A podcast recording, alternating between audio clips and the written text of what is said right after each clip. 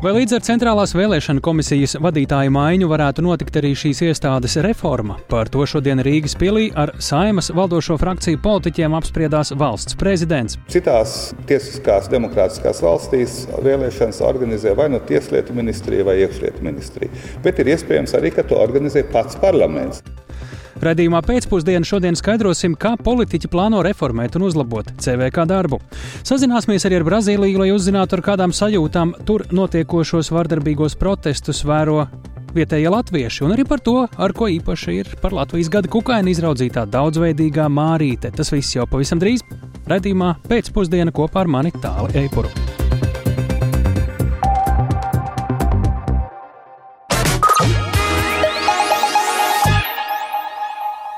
Ir 16,5 minūtes, skan Latvijas radio viens ziņu raidījums pēcpusdienas studijā Tāles Eipurs.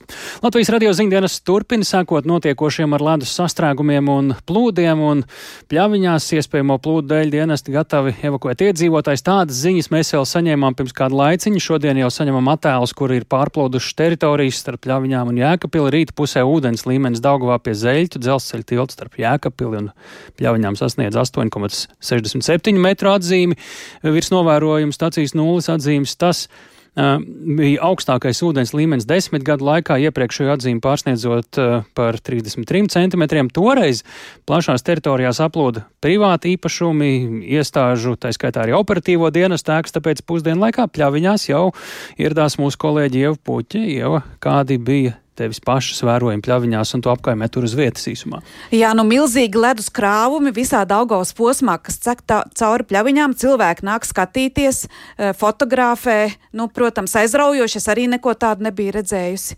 Uh, taču pašvaldības vadītājs Andris Ambainis bija tāds bažīgs uh, par to, kas šodien varētu notikt. Sarunas brīdī dienas vidū viņš gatavojās civilās aizsardzības komisijas sēdēji un vēl, vēl izteica optimismu, ka vismaz šodien plūdi varētu iet seceni, jo temperatūra ir mīnusos. Uh, taču sazvanīts nedaudz vēlāk, uh, pirms ap, aptuveni stundas stāstīja, ka pašvaldības policijai ir dots uzdevums apbraukāt mājas, kurām pastāv plūdu risks un brīdināt iedzīvotājs, jo no Jēkabils, kas ir 15-20 minūšu brauciena attālumā, ir saņemti satraucoši signāli. Mēs tagad sēžam kā uz adatām, gaidam. Jo Jēkabīlī tur ir, es saprotu, kolēģiem, ka viss krustos novads tā daugos pusi tie visi pašvaldības ceļi ir slēgti un tas ūdens līmenis tomēr pamazām, bet kāpš. Un kad būs tas brīdis, kad, kad sāksies kustība pie pļaviņām, tad mums Mēs piestājām paskatīties, kādi ir evakuācijas plāni sociālās aprūpas centrā Pļaviņas, kas patiešām atrodas ļoti tuvu Daugavai, Daugavas ielā, un parunājām ar vadītāju Ņinu Maškovu. Mēs par plūdiem gribējām pajautāt, vai esat gatavi? Esam gatavi redzēt, ka mēs nesam tagad mantos uz augšu, gatavojamies. Klienti visi pacelt uz augšu. Viss ir kārtībā. Apakšējo stāvu, jā, iztukšojam. Stāvu mēs iztukšojam, nesam tagad dokumentāciju uz augšu. Klienti jau vakardienā bija pacelt uz augšu. Visi. Šī ir ēka, kas viena no pirmajām aplūsta. Nu, nē, nu, mēs esam gatavi principā. Ir bijis, kad aplūst? Bija. Toreiz es nestrādāju, bet bija katapults. Kurā gadā tas varēja Neceras. būt apmēram? 13. Jā. Mēs arī pabraucām uz Jēkabils pusi, tuvāk plūdu zonai. Uh, bija sarunāts, ka parunāsim ar uh, Andri Pelsu, Kruspils novada zemnieku saimniecībā Vīnkalni. Bet, diemžēl, ceļu aizšķērsoja ūdens. Tas ceļš pazuda. Mm. Tā vieta bija dzelzceļa pārbrauktuve, pie dzelzceļa pārbrauktuves Zelķīšos, ja kārte pareizi teica, un tur jau bija Latvijas dzelzceļa brigāde, kas ar lenti aizšķērsoja ceļu. Ar Andri Felsu izdes, izdevās parunāties tikai pa telefonu. Manas teritorijas ir aplūdušas, žēl, protams, ilgstoši tas tā būs, vairākas diennaktis, nu tad ceļam aizies postā. Jautājums par uh, ziemas kriešiem un ziemas rapsi. Lūk, tā, uh, tik tālu uh, mēs virzījāmies lēnām no pļaviņām uz augšu uz Jēkabpils pusi. Mēs šobrīd esam sazinājušies arī ar Jēkabpili. Vēl precīzāk Jēkabpils novada civilās aizsardzības inženieru plūdu situācijas koordinātoru Tāli Zālu. Labdien! Labdien! Šobrīd es saprotu, burtiski tagad notiek civilās aizsardzības komisijas sēde. Kas ir tās lietas, ar, par ko jums jātiek tur šobrīd ir skaidrībā? Tātad pirmkārt apkopojam operatīvo situāciju uz doto momentu, jo viņa mainās praktiski ik pa stundām. Un, un, un jāsaprot, kur ir tās vietas, nu, kur varētu būt bīstamība vislielākā. Un kas tad būtu jāizlemj komisijā, kā izskatās pagaidām? Tā tad nu, izskatās pagaidām tā, ka ir veidi, izveidojies jauns sastrēgums kaut kur tagad jau, kurš nebija agrāk no Jēkabils līdz Zeļķa tiltam tādā posmā. Un sāk celties ūdens līmenis tieši pirms Jēkabils, bet tas, kurš bija vakardien un šorīt aktuāls, uh, aiz Zeļķa tilta līdz pļaviņam, tur līmenis jau sāk kristies. Līdz ar to komisijai, kā būtu, par, ar ko, kas būtu tagad jāsaprot? Nu, Kāda ir rīcība?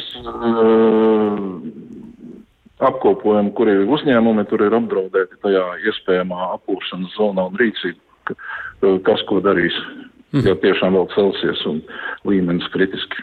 Kā jūs šobrīd teiktu, cilvēki naktī jūsu apkārtnē var gulēt mierīgi, vai nu jau izskatās, ka tieši pretēji, un kur būtu tās vietas, kur tas miegs tāds trauslāks, vajadzētu paskatīties tomēr, kas notiek? Traus, trauslākā vieta varētu būt lejpus Jēkabils līdz Zeļķa tiltam pašlaik.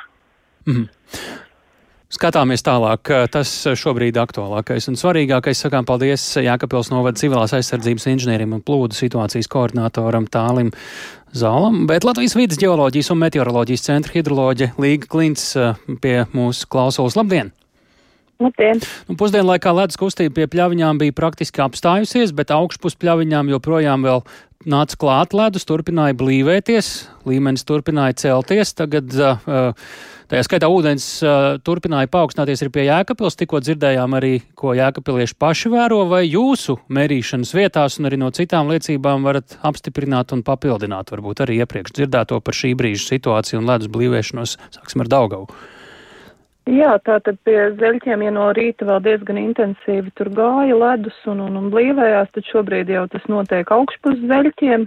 Tātad starp Zeļķiem un Jēkabili, kā tas pareizi jau tika teikts, un ūdens līmenis tur strājā kāpj, un arī tuvākajās, nu, šodien un, un rīt turpināsies šī ūdens līmeņa paaugstināšanās tieši pie Jēkabils un posmā starp Zeļķiem un Jēkabili. Tas ir tā kā tie, kur nezina, tas ir uz leju no Jēkabils. Ja, jā, pats jā. pa straumu. Jā. Uh, tas jau, protams, ir izskanējis gan no jums, gan citiem, ka pa stundām tā situācija var mainīties. Kādi ir tie iespējamākie no scenāriju variantiem? To galveno jūs nu pat ieskicējāt, uh, uz ko mēs ceram šobrīd un kas rada bažas, ņemot vērā, ka tagad kā atkusnis nāk. Atkusnis nebūs spēcīgs, jā, atkusnis nāk, tas nozīmē, ka tā ledus masa nesasals un turpinās kustību, ja sakrāsies, teiksim, no augšpuses vairāk uh, ledus, tas radīs tādu grūdienu un ledus var sakustēties, tātad ūdens līmeņa maiņas joprojām var būt arī straujas pašā ūdenskrātuvē, ne tikai šobrīd, kā tas ir augšpusē. Un izskatās, ka tas varētu arī uz ilgstošāku palikt. Šis sablīvējums ir izveidojies principā no, no, no, jau no lejas jēkapils līdz pat pļaviņām. Ko tas nozīmētu attiecībā uz ūdens līmeni, ja tā notiek? Um, ka ja iestātos sals un viss pēkšņi aizsaltu, tad ūdens līmenis pazeminātos un ja būtu pateicīgs pavasaris, varbūt viss beigtos diezgan labi, bet šobrīd izskatās, ka tā situācija ir tāda, ka kaut kur tie plūdi noteikti būs. Lielāki vai mazāki, diemžēl, un, un, un šobrīd es nevaru pateikt, teiksim, ka pļaviņas ir tiešām pasargāts, jā, pašlaik izskatās, ka vairāk tā problēma ir jēkapilī, bet ja ledus sāks virzīties, tad strauji līmenis celsies arī pļaviņās. Citur Latvijā īsumā ir vēl kādas kritiskas vietas, vai šī pārliecinoši kritiskākā, vai vēl tomēr ir citur briesmas? Nu, šī ir bīstamākā, bet uh, joprojām ogres leitecē ūdens līmenis tomēr paaugstinās, un arī uh, lielupē uh, augšpuse, tātad pie mežotnes šobrīd tā straujākā ūdens līmeņa celšanās ir, un, un paaugstināts ūdens līmenis ir gan pie staļģenes, un arī pie Jelgavas nav, nav, teiksim tā, ka ir zems līmenis, tur tas līmenis arī var strauji mainīties, ja iesāktos spiešana un, un aplūstu zemākās vietas. Paldies, sakām Līgai Klintī, Latvijas vidas geoloģijas un meteoroloģijas centra hidroloģijai. Mēs uh, turpinām redzējumu pēcpusdienu.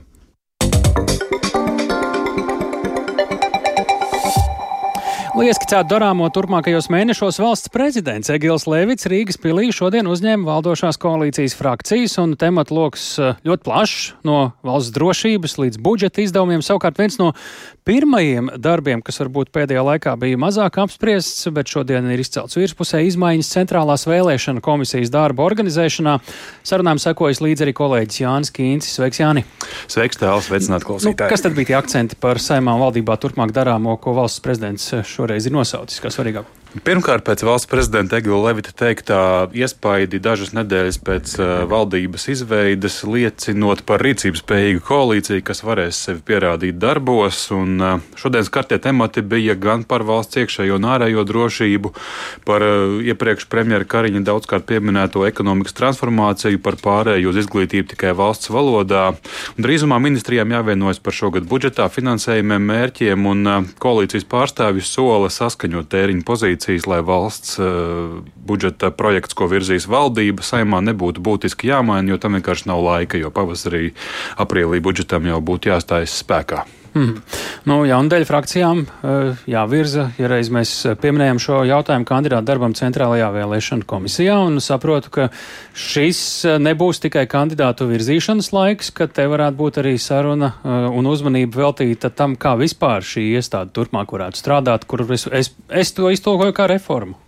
Nu, tur varētu būt pat vairākas reformas, pagaidām vēl nav izzināms, kā, bet nu, jā, pēc šodienas dzirdētā var secināt, ka iestādi, šo iestādi par vēlēšanām atbildīgo varētu skart plašākas pārmaiņas būt. Un, pirmkārt, mainīsies viss komisijas sastāvs, un jaunās vienotības saimas frakcija, plašākā frakcija saimā, ir uzrunājusi par kan, arī kandidāti iespējamo nākamo centrālās vēlēšana komisijas vadītāju, un tā ir Pasaules Brīvo Latviešu apvienības valdes locekle Kristīna Saulīte, un viņai jau tuvākajās dienās ir gaidāmas tikšanās ar saimnes frakcijām.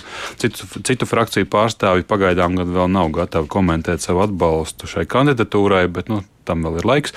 Tāpat sagaidot pārmaiņas Centrālās vēlēšana komisijas darbā, valsts prezidents mudina konkrētas lietas mainīt iestādes pārvaldības modeli un arī, kas varētu attiekties arī uz iestādes finansiālo nodrošinājumu. Paklausīsimies Levita teikto. Citās tiesiskās demokrātiskās valstīs vēlēšanas organizē vai nu Tieslietu ministrija vai iekšlietu ministrija. Bet ir iespējams arī, ka to organizē pats parlaments. Nevar būt tā, ka ir atsevišķa institūcija, kas darbojas teiksim, tādā bezgaisa telpā, un e, nav īsti kontrols, nav īsti atbildības. Tas ar teiksim, labu pārvaldību nav īsti savienojams. Nu, te jāatgādina, ka par Centrālās vēlēšana komisijas finansējuma problēmām un arī trūkstošiem darbiniekiem iepriekš vairāk kārt izteikusies no jau bijusī iestādes vadītāja Kristīna Bērziņa. Nu, Šobrīd gan pār iestādes vārdu ir tāds melns mākonis, tas sāktais krimināla process saistībā ar kādu komisijā organizētu iepirkumu 2021. gadā. Tā kā, nu, tas varbūt nav šo lielo pārmaiņu galvenais iemesls, bet nu, tas visu laiku fonā ir bijis un pieminēts. Un par plašākiem jauninājumiem diskusijas tad vēl būs, bet frakcijās jautājums par tām ir sadzirdēts. Īsi noklausīsimies arī, ko teica jaunās vienotības saimnes frakcijas vadītājs Ainārs Latkovskis. Problēma ir resursi, ir īpaši informācijas tehnoloģija jomā, kur mums ir trīs vēlēšanas, bet starplaikos tik daudz resursu varbūt nav nepieciešama. Bet, ja CVK būtu daļa no lielākas institūcijas, kā teiksim, saima, varētu racionālāk izmantot resursus, tā pašā laikā atstājot šos frakciju pārstāvjus, kas manā skatījumā ļoti demokrātiski un veids uzraudzību, tur gan opozīcija, gan pozīcija. Un arī citi politiskie partneri piekrīt, ka vajadzētu runāt par plašākām pārmaiņām Centrālajā vēlēšana komisijā, tā skaitā arī, lai veicinātu sabiedrības līdzdalību vēlēšanās un citiem jautājumiem, par ko vēl gaidāmas diskusijas. Nu, valsts prezidentam šoreiz katru reizi, kad viņš iznāk kaut kur publiski, ir jārēķinās ar vien vairāk ar vienu un to pašu jautājumu par viņa plāniem vai izredzēm, vai kā nu kurš to uh, pagriež šo jautājumu kandidēt uz valsts prezidenta vēlēšanām. Un, uh, Nu, tas ir stāsts, par ko viņam pašam visticamāk, publiski vai nepubliski ir jārunā ar frakcijām, vai šodien kaut kas par to izskanēja? Šodien par to, par to nesot bijis ne vārda. Bet, bet tā vismaz tika atzīts, ka par to nav runāts. Nu, jautāts tika, ja? Jautāts Atkal, tika, jā. un uh, saņēmām atbildi, ka par to šodien nav bijis runāts, ka tā būs saruna vēlāk pavasarī pēc lieldienām šis jau ir arī skanējis šad, bet uh, lieku reizi apstiprināt to nekad nav par skādi. Paldies, uh, sakām Jānim Kīncim. Mēs turpinām raidījumu pēcpusdienā divas trešdaļas tiesu darbinieku ir gatavi streikot, ja viņiem nepacels algu. Tieslietu padomas priekšsērētājs Aigars Strupišs saka, ka ilgus gadus darbinieki ir turēti badā. Tas nenotiktu, ja finansiāli pirmās un otrās instances tiesas būtu neatkarīgas no Tieslietu ministrijas. Tieslietu padomē ir vairāk ierosinājumi jaunajai nozares ministrei, lai kopīgiem spēkiem varētu stiprināt tiesu sistēmu. Par to vairāk Lindas Spundiņas ierakstā. Decembrī Tieslietu padomes saņēma 924 tiesu darbinieku kolektīvo vēstuli par inflācijas ietekmu uz tiesu darbinieku atalgojumu. Nozare aicina valdību rast iespēju šajā gadā katrai tiesu darbinieku kvalifikācijas pakāpei noteikt proporcionālu darba algas paaugstinājumu vismaz 24% apmērā. Tieslietu padomes priekšsēdētājs Aigars Strupišs norāda, ka ilgus gadus tiesu darbinieki turēti badā. Ja runa ir par tiesnešu palīgiem, tiesu sekretāriem un arhivāriem dolāriem. Te ir runa par algām robežās no 900 līdz 1200 uz papīra šobrīd. Un, ja mēs runājam par tiesu, kur mēs tomēr gribam normālas kvalifikācijas juristus, ir skaidrs, ka pat 900 normālu juristu mēnesī dabūt nav iespējams.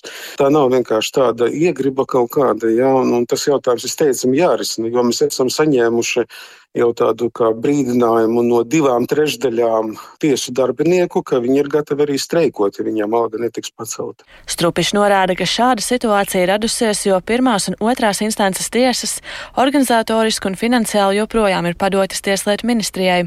Šī sistēma sevi nav attaisnojusi. Tieslietu padome vēlas pārņemt tiesu administrēšanu un budžetu. Tiesām ir jābūt tomēr patstāvīgām, tiesām ir pašām jāiet runāt par budžetu patiešo ar saimnieku saimu, ar valdību, nevis caur ministru. Jo redziet, katrs ministrs ir ar savu politisko svaru, ar savām spējām, kā rāda šodienas situācija, ar līdzinējo ministrēšanu ir gājis diezgan bēdīgi. Jāpiebilst, ka augstākā tiesa budžeta ziņā nav atkarīga no ministrijas. Vēl Tieslietu padomas priekšsēdētājs akcentē, ka augstākās tiesas tiesnešu iecelšana arī būs viens no jautājumiem, ko apspriedīs ar ministri. Jāatgādina, ka Saima pērn neapstiprināja bijušos atvērsmes tiesas tiesnesi Sanitu Osipovu par augstākās tiesas tiesnesi. To asa kritizēja nozara. Saimai nebūtu jājaucas profesionālajos juridiskajos jautājumos. Tā apstiprināšana vai neapstiprināšana viņai jābūt uz kaut kādiem saprotamiem kritērijiem. Nevis vienkārši pasakot, ka eh, mums nepatika tiesneša spriedums lēmums. Strupišs cer, ka sadarbojoties ar jauno tieslietu ministri Ines Lībiņu Egneru no jaunās vienotības, varēs stiprināt tiesu sistēmu. Paredzams, ka šonadēļ tieslietu padome tiksies ar ministri. Linda Spundiņa, Latvijas radio.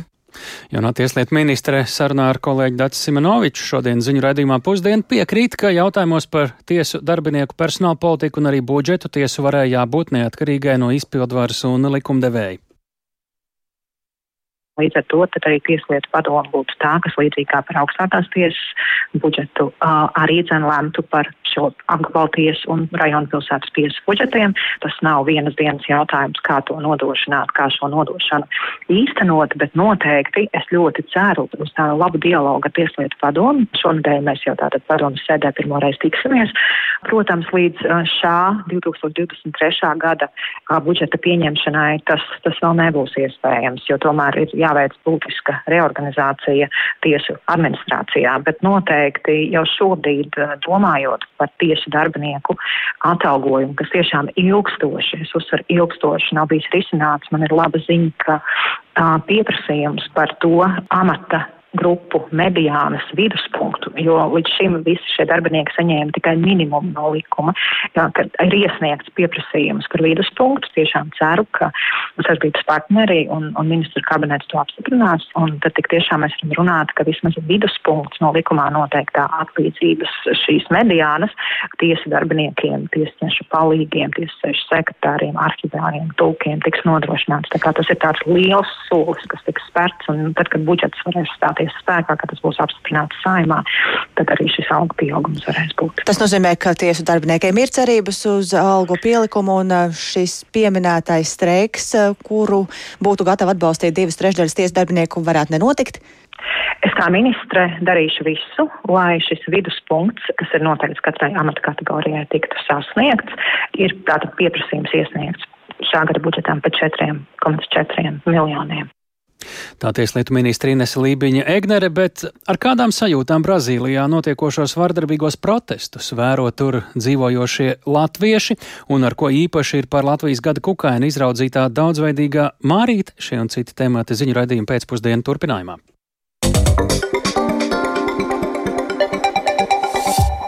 Ukrainas pilsētu apšaudes Krievijas izsludinātā pamiera laikā apliecina tikai to, ka nekādi Maskavas mēģinājumi manipulēt ar diplomātiju un politiku vairs nekad nestrādās. Šādu viedokli pēc pagājušajā nedēļas nogalē Krievijas it kā izsludinātā Ziemassvētku pamiera beigām paudis Ukrainas prezidents Volodimirs Zelenskis.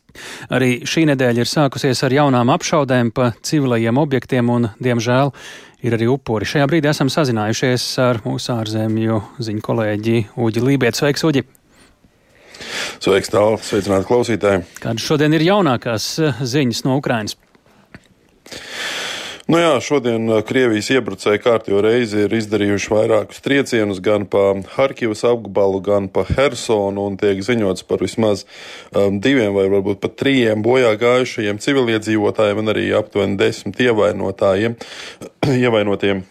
Runājot jau par situāciju frontē, tad vislielākā uzmanība pašlaik ir pievērsta Solidarai, kas atrodas uz ziemeļiem no Bahmutas, un Solidarā kaujas bez pārtraukuma turpinoties jau vismaz astoņas dienas, un, kā norāda militārie komentētāji, tad viens no galvenajiem mērķiem ir mēģināt apiet Bahmutu un iespējams arī to ielenkt. Un tieši tāpēc Ukraiņas bruņoties spēki uz šo reģionu ir nosūtījuši savus papildus spēkus un cer, ka pieaugušais sals ļaus kaujā laist arī smagāku kaujas tehniku. Ukraiņas spēku pārstāvji ir arī pārliecināti, ka galvenās cīņas par Bahmutu un tās apkārtni vēl ir tikai priekšā, un tās iespējams gaidāmas jau šajā mēnesī. Nu, vienlaikus satraukumu radīja, rada arī ziņas par to, ka Baltkrievijā joprojām tiek piegādāta Krievijas kaujas tehnika. Tā gan esot ļoti novecojusi un tai ir nepieciešams remonts. Un Tā kā šādi, ja tā var teikt, izkonservēšanas darbi Krievijā vairs īsti pat nesot iespējami, tad šo darbu veikšanai tiek piesaistīti Baltkrievu karavīri un speciālisti. Un Nu, Ukrainas robežsardzes dienestu vadība norāda, ka Krievija un Baltkrievija saspīlējumu pie robežas pastiprina, taču pagaidām gan nekādu provokāciju tiešā robežas tūmā nesot. Nu jā, te jāatceras, ka Ukrainas robežas pusē, eh, nezinu, tūkstošu kilometru garumā, tā varētu teikt, ir pamatīgi nocietināta un dažāda veida aizsardzības sistēmas. Sakām paldies Uģim Lībietim par svarīgāko īsumā no Ukrainas, Baltkrievijas un Krievijas. Mēs turpinām par vēl kādu tematu, kam pievērt, pievērst pasaules mediju uzmanību, proti notikumiem Brazīlijas galvaspilsētā. Tur eksprezidenta Žaira Bolsonaro atbalstītāji protesta laikā iebrukuši Nacionālā kongresa ēkā prezidenta pilī un arī augstākajā tiesā. Daudzi svētdienas notikumus salīdzina ar 2021. gada 6. janvāra notikumiem Vašingtonā, kad Donalda Trumpa atbalstītāji atteicās pieņemt viņa zaudējumu prezidenta vēlēšanās un iebruka, iebruka Kapitolijā. Plašāk par notiekošo Brazīlijā stāsta Rihards Plūme. Pērn novembrī notikušajās vēlēšanās zaudējušā prezidenta Žaira Bolsonaru atbalstītāji galvaspilsētas Brazīlijas ielās izgāja jau svētdienas rītā. Vairāki simti cilvēku pulcējās Esplanādas alejā, kur atrodas vairākas valsts iestādes, tostarp kongress, prezidenta pils un augstākā tiesa. Tērpušies dzeltenos futbola kraklos ar karaugiem un plakātiem, protestētāji pauda neapmierinātību ar pašreizējā prezidenta Luisa Inasiju Lulas da Silvas stāšanos amatā un vēlas, lai armija pārņem kontroli valstī. Vēlāk cilvēku skaits jau bija mērāms tūkstošos un pūlis devās uz kongresu. Lai gan drošības spēki bija lieli, tiem neizdevās cilvēkus apturēt un protestētāji ielauzās kongresā, sākot to demolēt.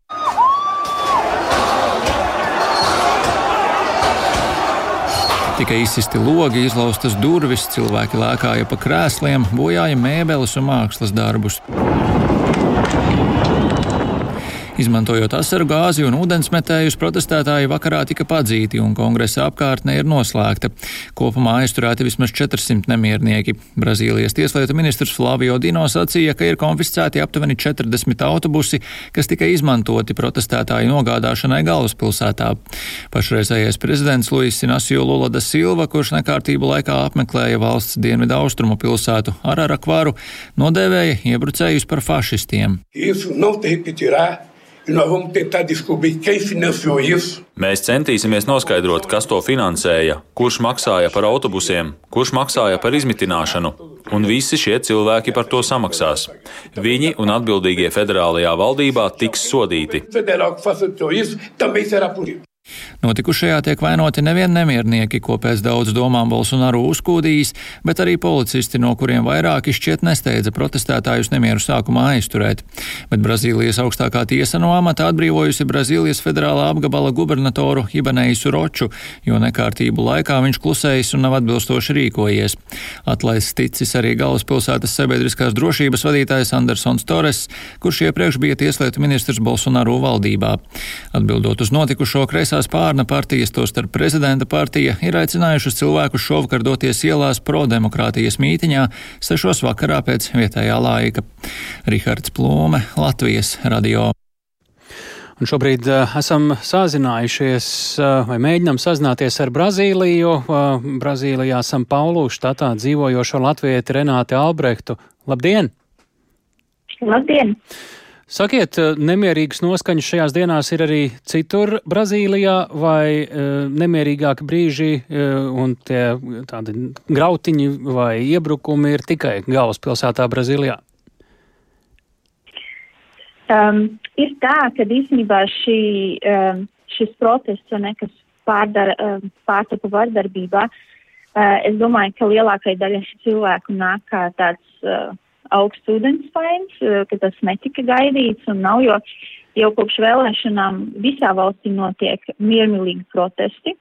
Arī šeit, kur es dzīvoju, um, man pazīstami cilvēki uh, aizvakar bija arī protestā un cilvēki ar ģimenēm un ar bērniem, un, un šie protesti nekad nav bijuši vārdarbīgi.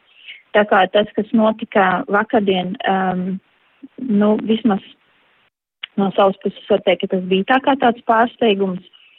O, bet uh, tā situācija tiešām nav tik vienkārša kā divu pretēju partiju vai, vai uzskatu sistēmu atbalstītāju konflikts, nekas tagad ir sāsinājums. Diemžēl jau pirms vēlēšanām sabiedrība ir sašķel, sašķelta.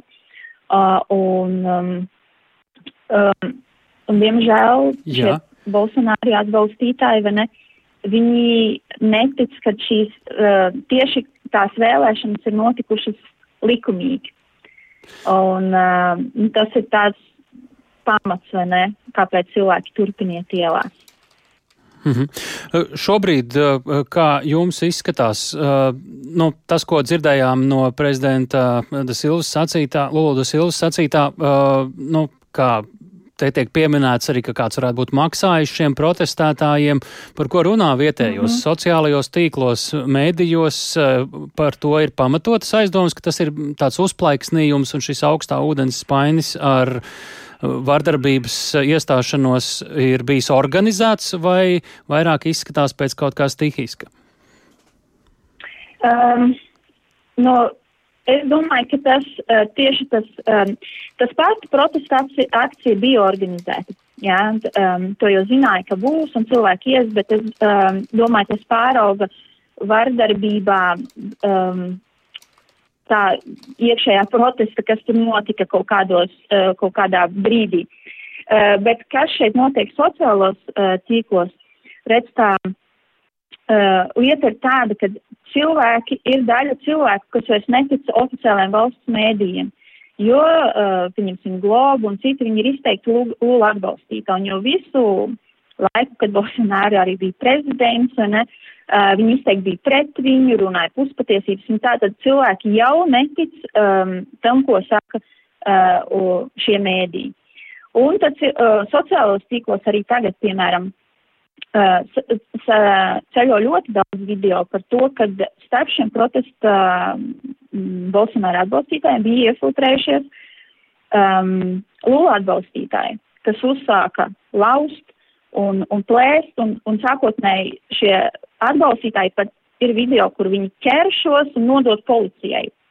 Saucot to savu atbalstītājs, kā tu te nāc, un viņi ķer viņus, un, un bekur viņš izsaka logu, un te viņš sāka lauz durvis un tā. Un uh, pilnīgi iespējams mēs to nezinām. Mēs to nezinām, varbūt izmeklēšana, izme, izmeklēšana pēc tam rādīs, vai tas tā bija vai nebija. Nu, jā. uh, uzsāka vai ne šo, šo vardarbīgo momentu, kas pārauga ne, lielā, lielā grauciņā. Uh, un tā kā ir tās bet, atkal valsts mēdījos tas neparādās. Un tad ir ši, šis moments of fake news, kam mēs ticam, uh, kam mēs neticam, kā tiešām bija, man nevien, vai ne mēs paši turklāt nebijām, mēs turklāt nebija.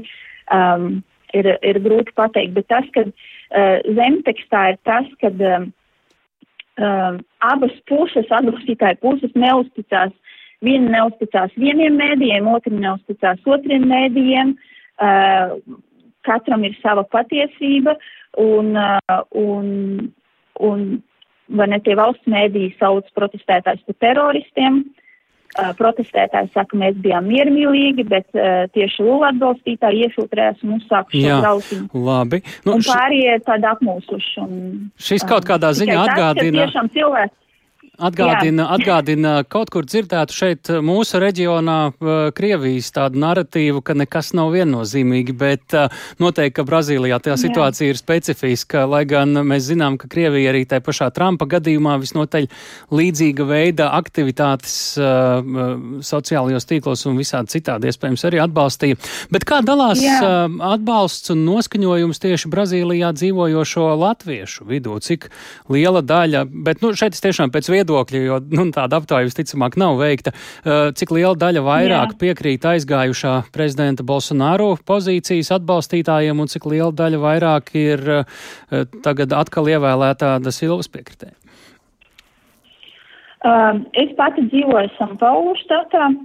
Un arī pēc vēlēšanām var redzēt, ka šeit ir uh, lielākā daļa Bolsonaro atbalstītāju jo mēs vēlam arī štatu gubernatoru un tad pēc tam balsīm, ne? Un arī lielākā daļa latviešu dzīvo vairāk uz Brazīlijas um, uh, dienvidiem, un tad visi šie štati ir vairāk Bolsonaro atbalstītāji. Pēc tā es tā kā, un arī, nu, dzirdot vienkārši, kā cilvēki runā apkārt un tā, lielākā daļa, es varētu teikt, ka ir tomēr Bolsonaro atbalstītāji, lai gan ir arī izte, izteikti um, lūla atbalstītāji uh, pa vidam. Tā kā tur nav tāda viennozīmīga. Bet, um, nu jā, jo. jo Vai tur ir kaut kas tāds, kas, kāpēc, saku, kāpēc uh, vieni vai otri tāds galvenais teikums vai devīze, kāpēc vieni atbalsta Bolsonaro un kāpēc otri uh, Lūdu Silvu šis pēdējais jautājums? Uh, Jā, ir, ir ļoti, ļoti um, ir daudzas vērtības, jo viņi pārstāv ne tikai tās, uh, teiksim, partijas, bet viņi pārstāv arī vērtības, kad, nu, ko viņi runā? Uh, un tad, pieņemsim, uh, Bolsonaro atbalstītāji.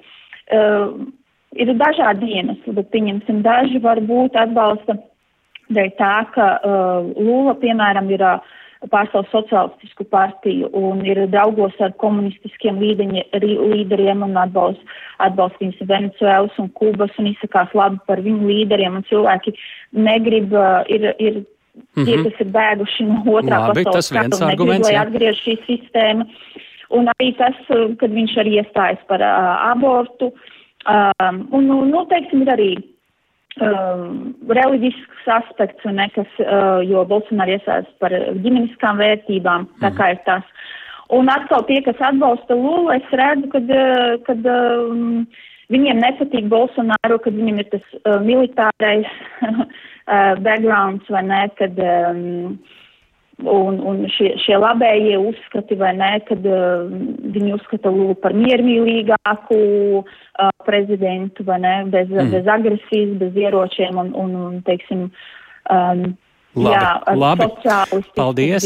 Vien, Paldies. Jā. Lielisks ieskats tiešraidē no Brazīlijas. Renāta Albrekta, Brazīlijas Sanpaulu štatā dzīvojoša latviete raidījumā pēcpusdiena. Paldies! Paldies! Turpinām raidījumu, atgriežoties šeit pat Latvijā, un uh, varam teikt, ka par šī gada 20, 2023. gada kukaini Latvijā ir izraudzīta daudzveidīgā mārīte, jeb harmonija aksirīdis. Ceru, ka es pareizi izrunāju. Šobrīd sakām labdien Latvijas entomoloģijas biedrības entomologam Valdemāram Spunģim. Sveicināti! Jā, Labdien! Nu, biedrība šodien izplatītajā vēstulē atgādina, ka Latvijā, un to nu gan es nezināju, ir ap 50 mārīšu sugu. bet par gada kukaiņu tad es saprotu redzīt nevis vispār mārīte, bet tieši viena uh, konkrētā jau iepriekš manis pieminētā suga, ja tā sanāk. Jā, tā ir. Uh, izstāstiet par šo sugu nedaudz precīzāk un kāpēc tad viņa ir atzīta par šī gada kukaiņu. Nu, redziet, entomologiem visu laiku jāsakoja savām ap, apmēram 14,000 sugām, kas nu, Latvijā dzīvo un kas ar viņām notiek.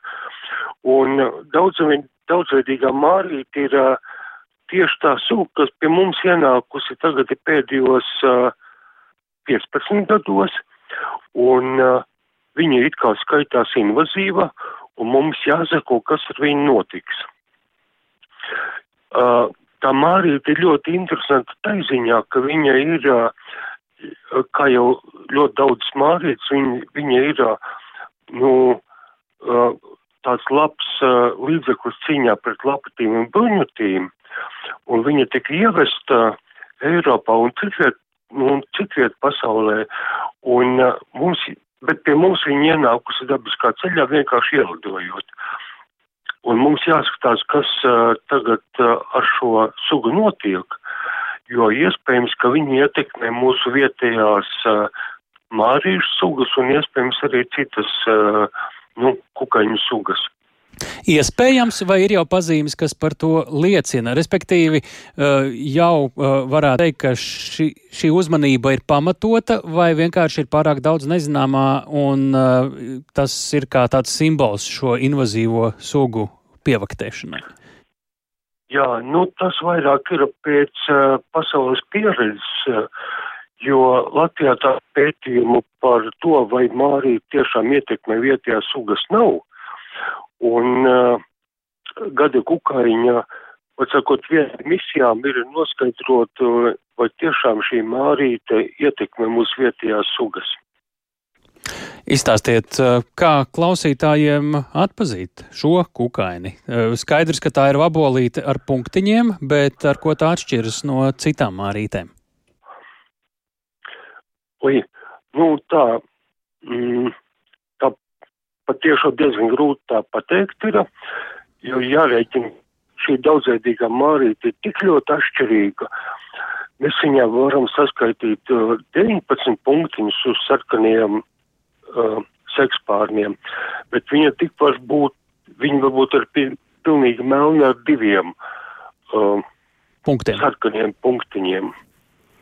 Tas nozīmē, ka vienas sugas robežās ir iespējama ļoti liela dažādība, kur tikai zem mikroskopa faktiski var pateikt, ka tā ir tā mārīte. Nu jā, un patiesībā, ja kāds, nu tagad ziemā, protams, nevarēs redzēt, bet pavasarī, ja parādās kāda mārīte ar kaut kādiem punktiņiem uz spārniem, tad vislabāk būtu uh, to marīt nofotografēt un ielikt uh, portālā dabas dati, jo tad speciālists varēs atpazīt, vai tā ir vai nav uh, daudzveidīgā mārīte. Vai tajā pašā portālā cilvēki var aplūkot piemērus, lai zinātu, pēc kā apmēram vismaz raudzīties?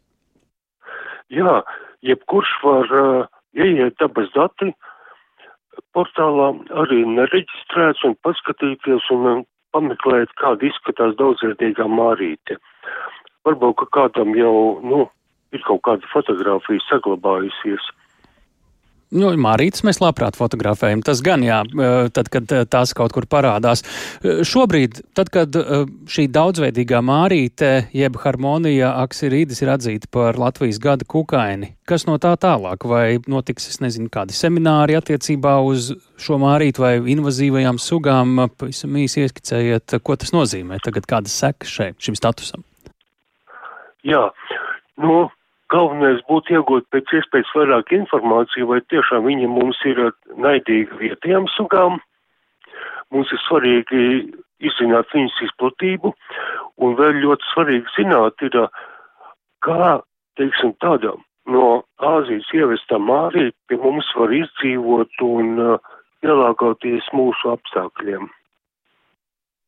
Liels paldies par sarunu. To mēs sakām uh, Latvijas uh, entomoloģijas uh, biedrības entomologam Valdemāram Spunģim. Tātad par šī 2023. gada kukaina Latvijā izraudzīta daudzveidīgā mārīta, jeb harmonija aksirīda. Šī gan ir tikai viena no ziņām, par ko šodien spriedām ziņu raidījumā pēcpusdienā atgādinām tātad, ka pagaidām joprojām ļoti liels un pamatots satraukums ir par plūdu situācijas attīstību aptuveni starp pļaviņām un jēkapili, kur vismaz pāris vietās ir ledus sastrēgumi un jau vietām upe ir pametusi savus krastus un atkarībā no atkošņa intensitātes vai piesaušanas arī ir atkarīga turpmākā plūdu gaita.